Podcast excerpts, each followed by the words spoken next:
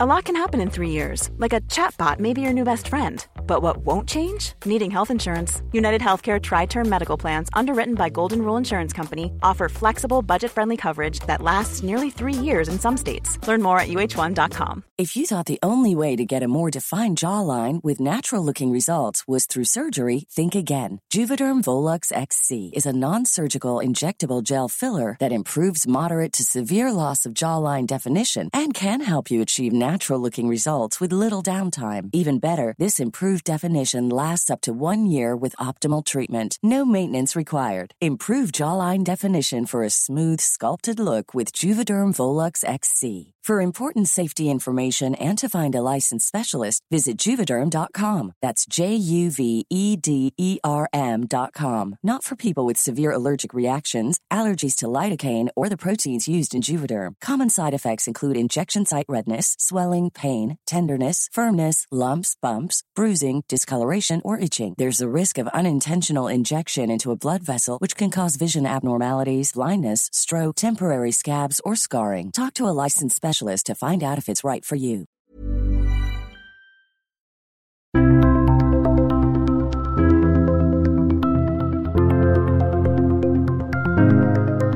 På rekordtid har danske Ørsted gjort en helomvending. Det som en gang var et selskap tungt inne i olje og gass, er i dag en grønn kjempe. Finnes det noen her til lands som kan gjøre det samme?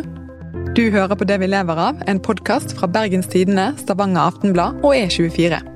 Mitt navn er Sigrid Haaland. Vi har jo omstillet oss fra sort til grønn energi henover det siste årti. Dette er Jakob Asko Bøss, strategidirektør i det danske energiselskapet Ørsted. I 2008 lanserte det som da het Dong Energi et ambisiøst mål. Den gangen hadde de nesten alle sine inntekter fra fossil energi, men nå skulle de snu seg helt og bli et grønt selskap. På det tidspunkt der var der en stigende erkendelse av klimaforandringene, men jo slett ikke den samme erkendelse av at det var nødvendig for energiselskapene helt grunnleggende å, å forandre seg. Reaksjonene var todelte. Mens mange møtte de med anerkjennelse, var det de som trodde at de ikke ville klare det. Vi har jo gradvis skulle bevise at det kunne lade seg gjøre å gjennomføre denne omstilling og skalere havvind som teknologi og, og bringe omkostningene ned i pris. Og Derfor vil man jo altid se noen i sådan en omstillingsproces der er skeptiske og som sier nei, det tror vi ikke kan lade seg gjøre. Og, og, og Der har det jo vært afgørende for oss liksom at bevise med de forskellige skritt vi har taget på reisen, at det rent faktisk har kunnet lade seg gjøre. I dag er Ørsted ansett som den globale lederen på havvind, og tidligere i år ble de kåret til verdens mest bærekraftige selskap. Så hvordan ser mulighetene ut for norske selskaper? Kommer vi til å få et norsk Ørsted? Med meg i dag er leder i Norsk Klimastiftelse, Lars Henrik Pårup Mikkelsen. Hei, hei. Og forskningsdirektør i SSB og professor i ressursøkonomi, Linda Nøstbakken.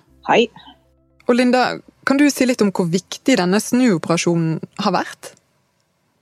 En grunn til at dette har vært viktig, er at det viser hva som går an. Både i at det går an å omstille seg, omstille et selskap som har vært eh, basert på fossil energi, til et fornybarselskap.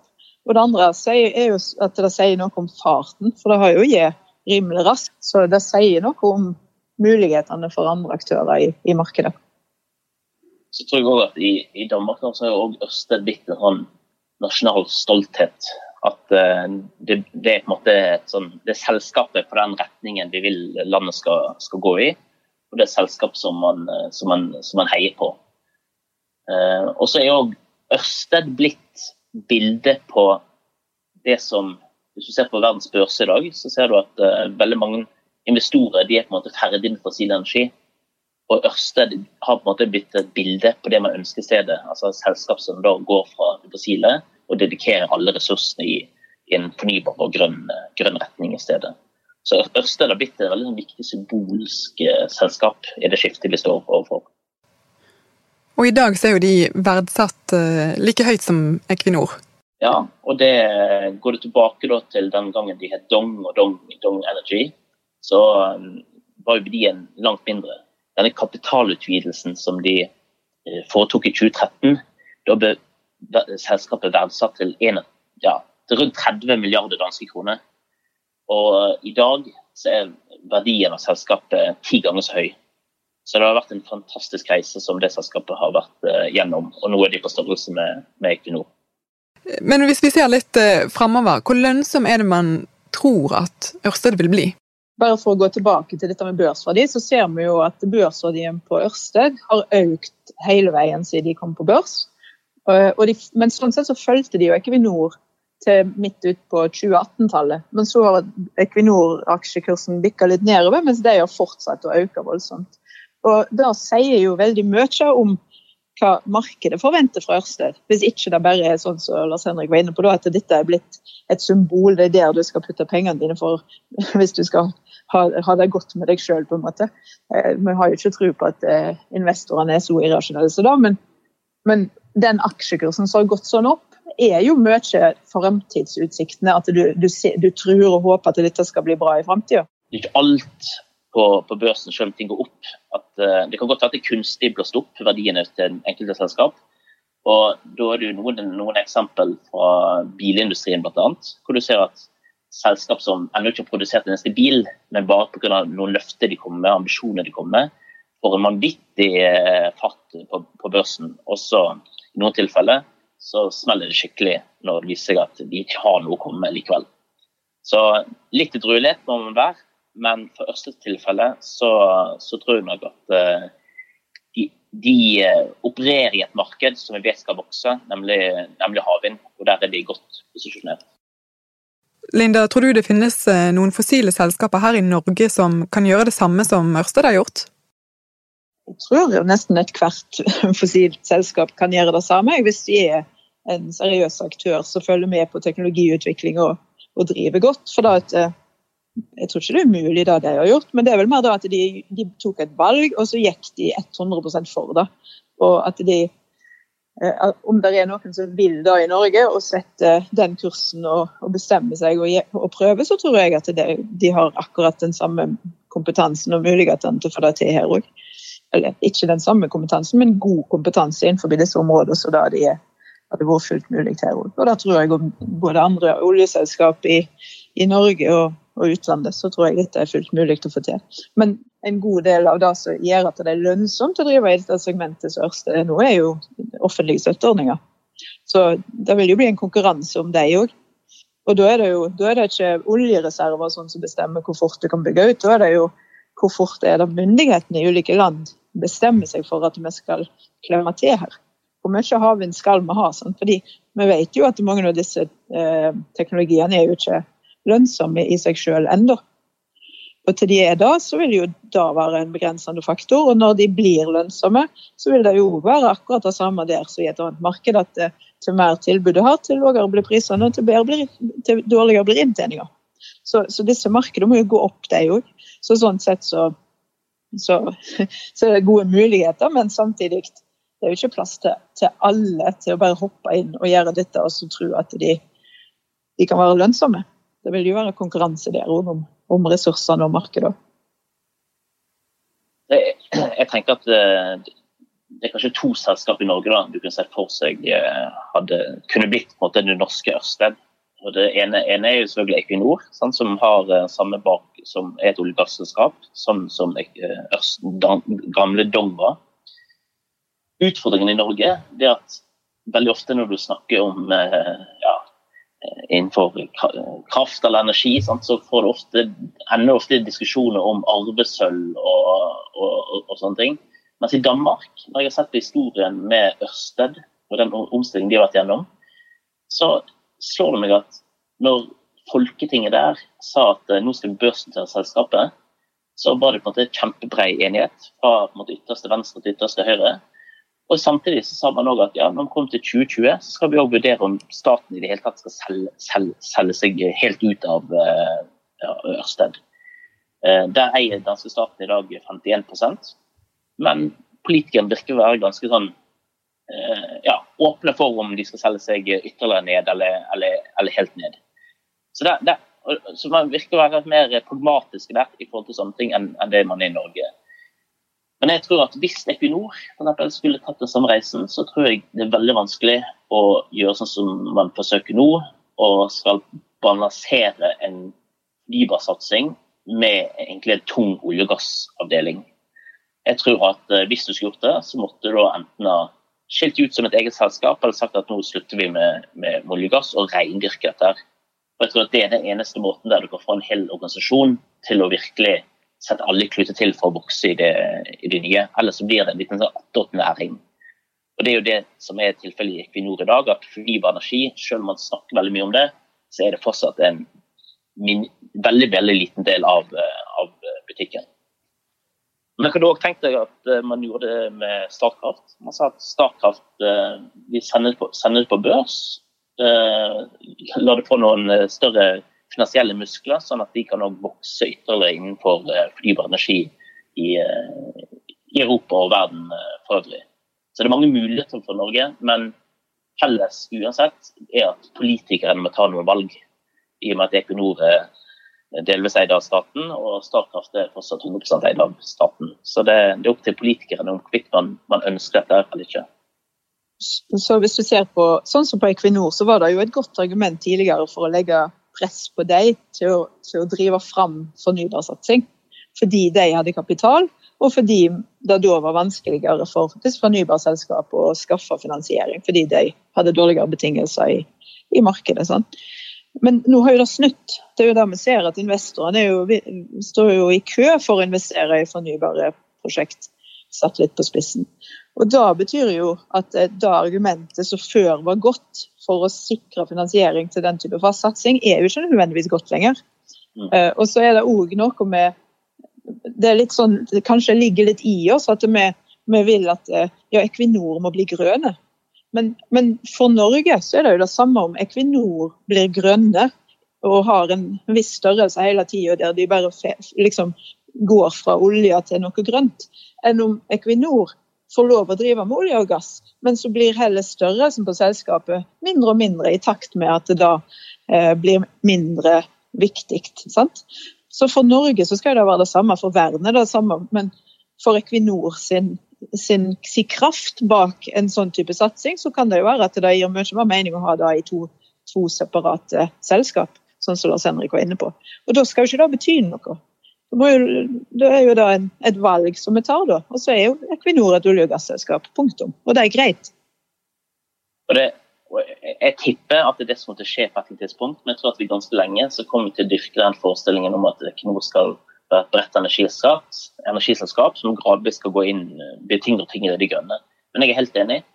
Det, det kan godt være at Equinor skal burde bare reindyrke et olje- og gasselskap, og så ser vi hvor lenge det holder, kan gi utbytte. Så kan vi på en måte vi da eh, spytte de pengene eventuelt inn i andre typer selskap som vi har større vekstambisjoner for, og si at de skal reindyrke fornybarsatsingen.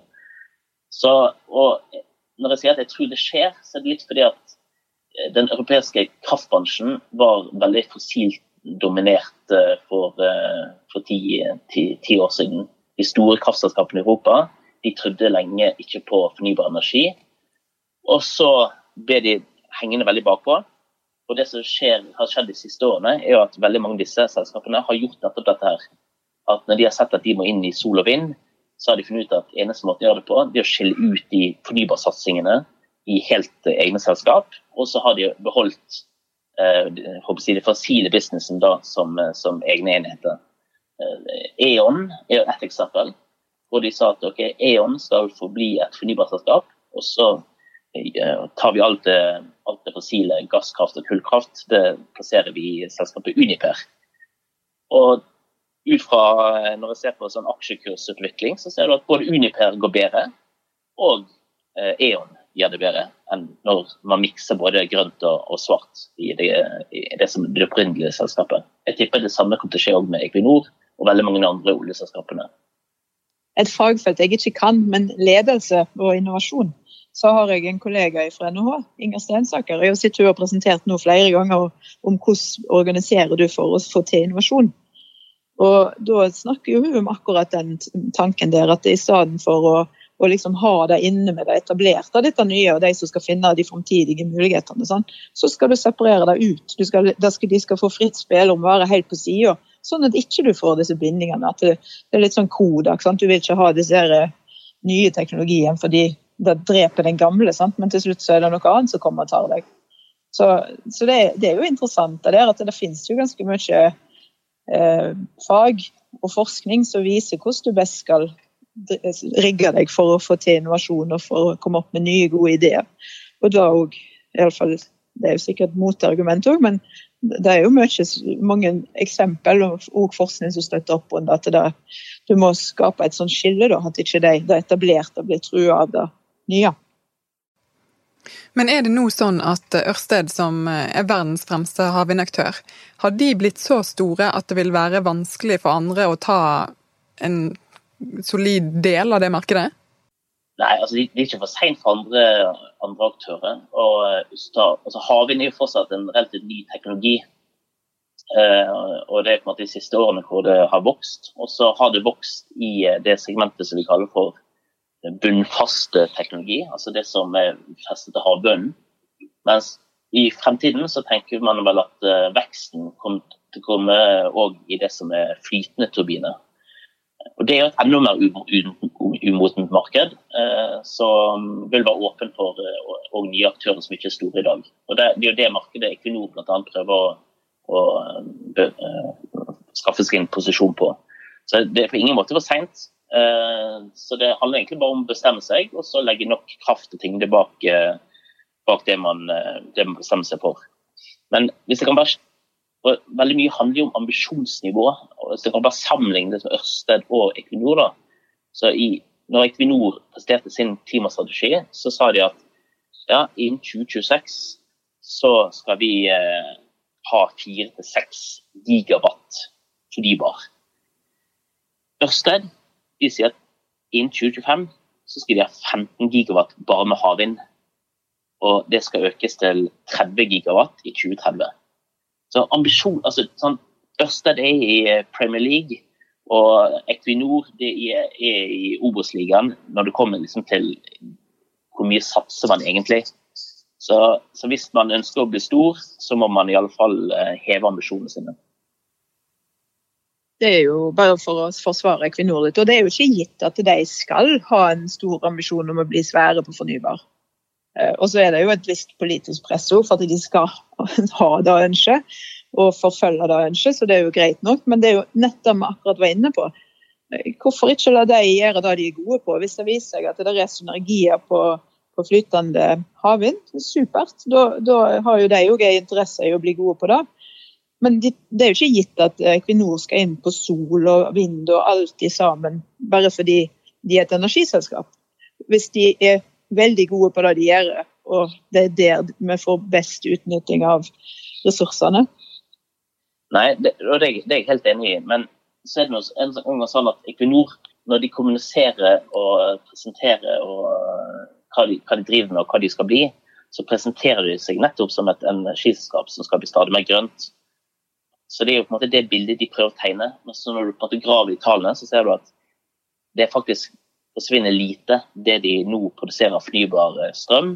Og det er heller ikke så veldig imponerende det de planlegger å få til eh, på mellomlang sikt. Så da må òg selskapet på en måte være tydeligere og si at eh, ja, vi, eh, vi, ser at det er et grønt skifte på gang, men vi skal maksimere innsatsen innenfor det fossile. Fremfor på en måte i hvert fall gi et inntrykk av at man skal eh, man skal bredde ut uh, aktivitetene sine.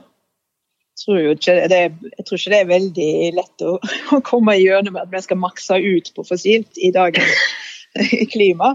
Men hvis, kunne, hvis, de kunne sagt at vi vil gjøre det vi er gode på, og vi er best på olje og gass, og de er veldig gode på olje og gass, og de har jo et vanvittig godt rykte ute i verden. Sant? At de driver på en god måte, ikke bare i forhold til klimautslipp, men i forhold til alle ting som vi skal bry oss om som, som uh, si, borgere i verden. Sant? Så dette er, jo, dette er, jo, gode ting. Um, men det som ikke er bra, vil jo være hvis de tviholder på dette fossilet. Sant? Mm. Og, og, nærmest overinvestere der, for det er da de kan. og De har ikke lyst til å bli mindre, de har lyst til å beholde størrelsen på selskapet og holde, beholde aktiviteten og beholde innflytelsen de har. Sånn. Da blir jo uheldig, og det kan jo skje. Det har vi jo sett før, at det sånt kan skje at de som leder og driver selskapet, gjerne ikke har eksakt de korrekte insentiver, fordi de har lyst til å fortsette aktiviteten, og de har råd til det, for det er kapital i den, i den bransjen. Men hvis de kan være med på at eh, de skal redusere aktiviteten. De skal betale ut utbytte etter hvert, sånn at vi får avkastning med norske borgere på det vi investerer der, og eierskapet vårt. Og så skal de i takt med en omstilling som er forenlig med hva vi står for i Norge og hva politikerne våre vil, så skal de trappe ned. Sånn? Det kunne vært greit. Men, men, jeg tror sliden som presenterer det for både politikere og andre, er nok litt utfordrende å få til. Men det er iallfall ikke overskrift å makse ut på fossilt. Nei, jeg hadde, jeg hadde, neppe fått jobb i kommunikasjonsavdelingen til Equinor. Det, det, kan vi slå fast.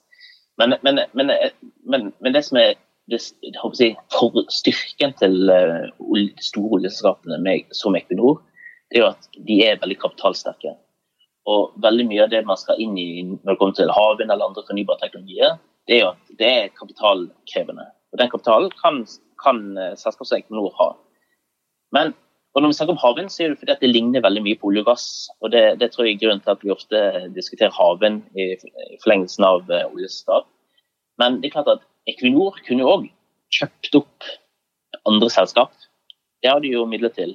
Uh, de kunne om ikke Ørsted, så kunne de kjøpt opp andre selskap som var gode på helt andre typer ting. Og så har de på en måte latt de selskapene få, drive i fred. med vært en god og langsiktig eier for de selskapene. Det er òg en mulighet som Equinor kunne benytte seg av. Og som du ser, noen oljeselskap har, har gjort, bl.a. Total gått inn i solindustrien f.eks. Så det, det, er mange muligheter hvis man bestemmer seg for det, for Equinor og, og andre. Takk for at dere var med, Lars Henrik Paarup Mikkelsen og Linda Nøstbakken. Tusen takk. Tusen takk. Og takk for at du hørte på. Har du noen innspill til denne podkasten, så hører vi gjerne fra deg. Send meg en mail på sigrid.haaland.skipsted.com. Det er Haaland med to a-er. Og så er vi snart tilbake med en ny episode.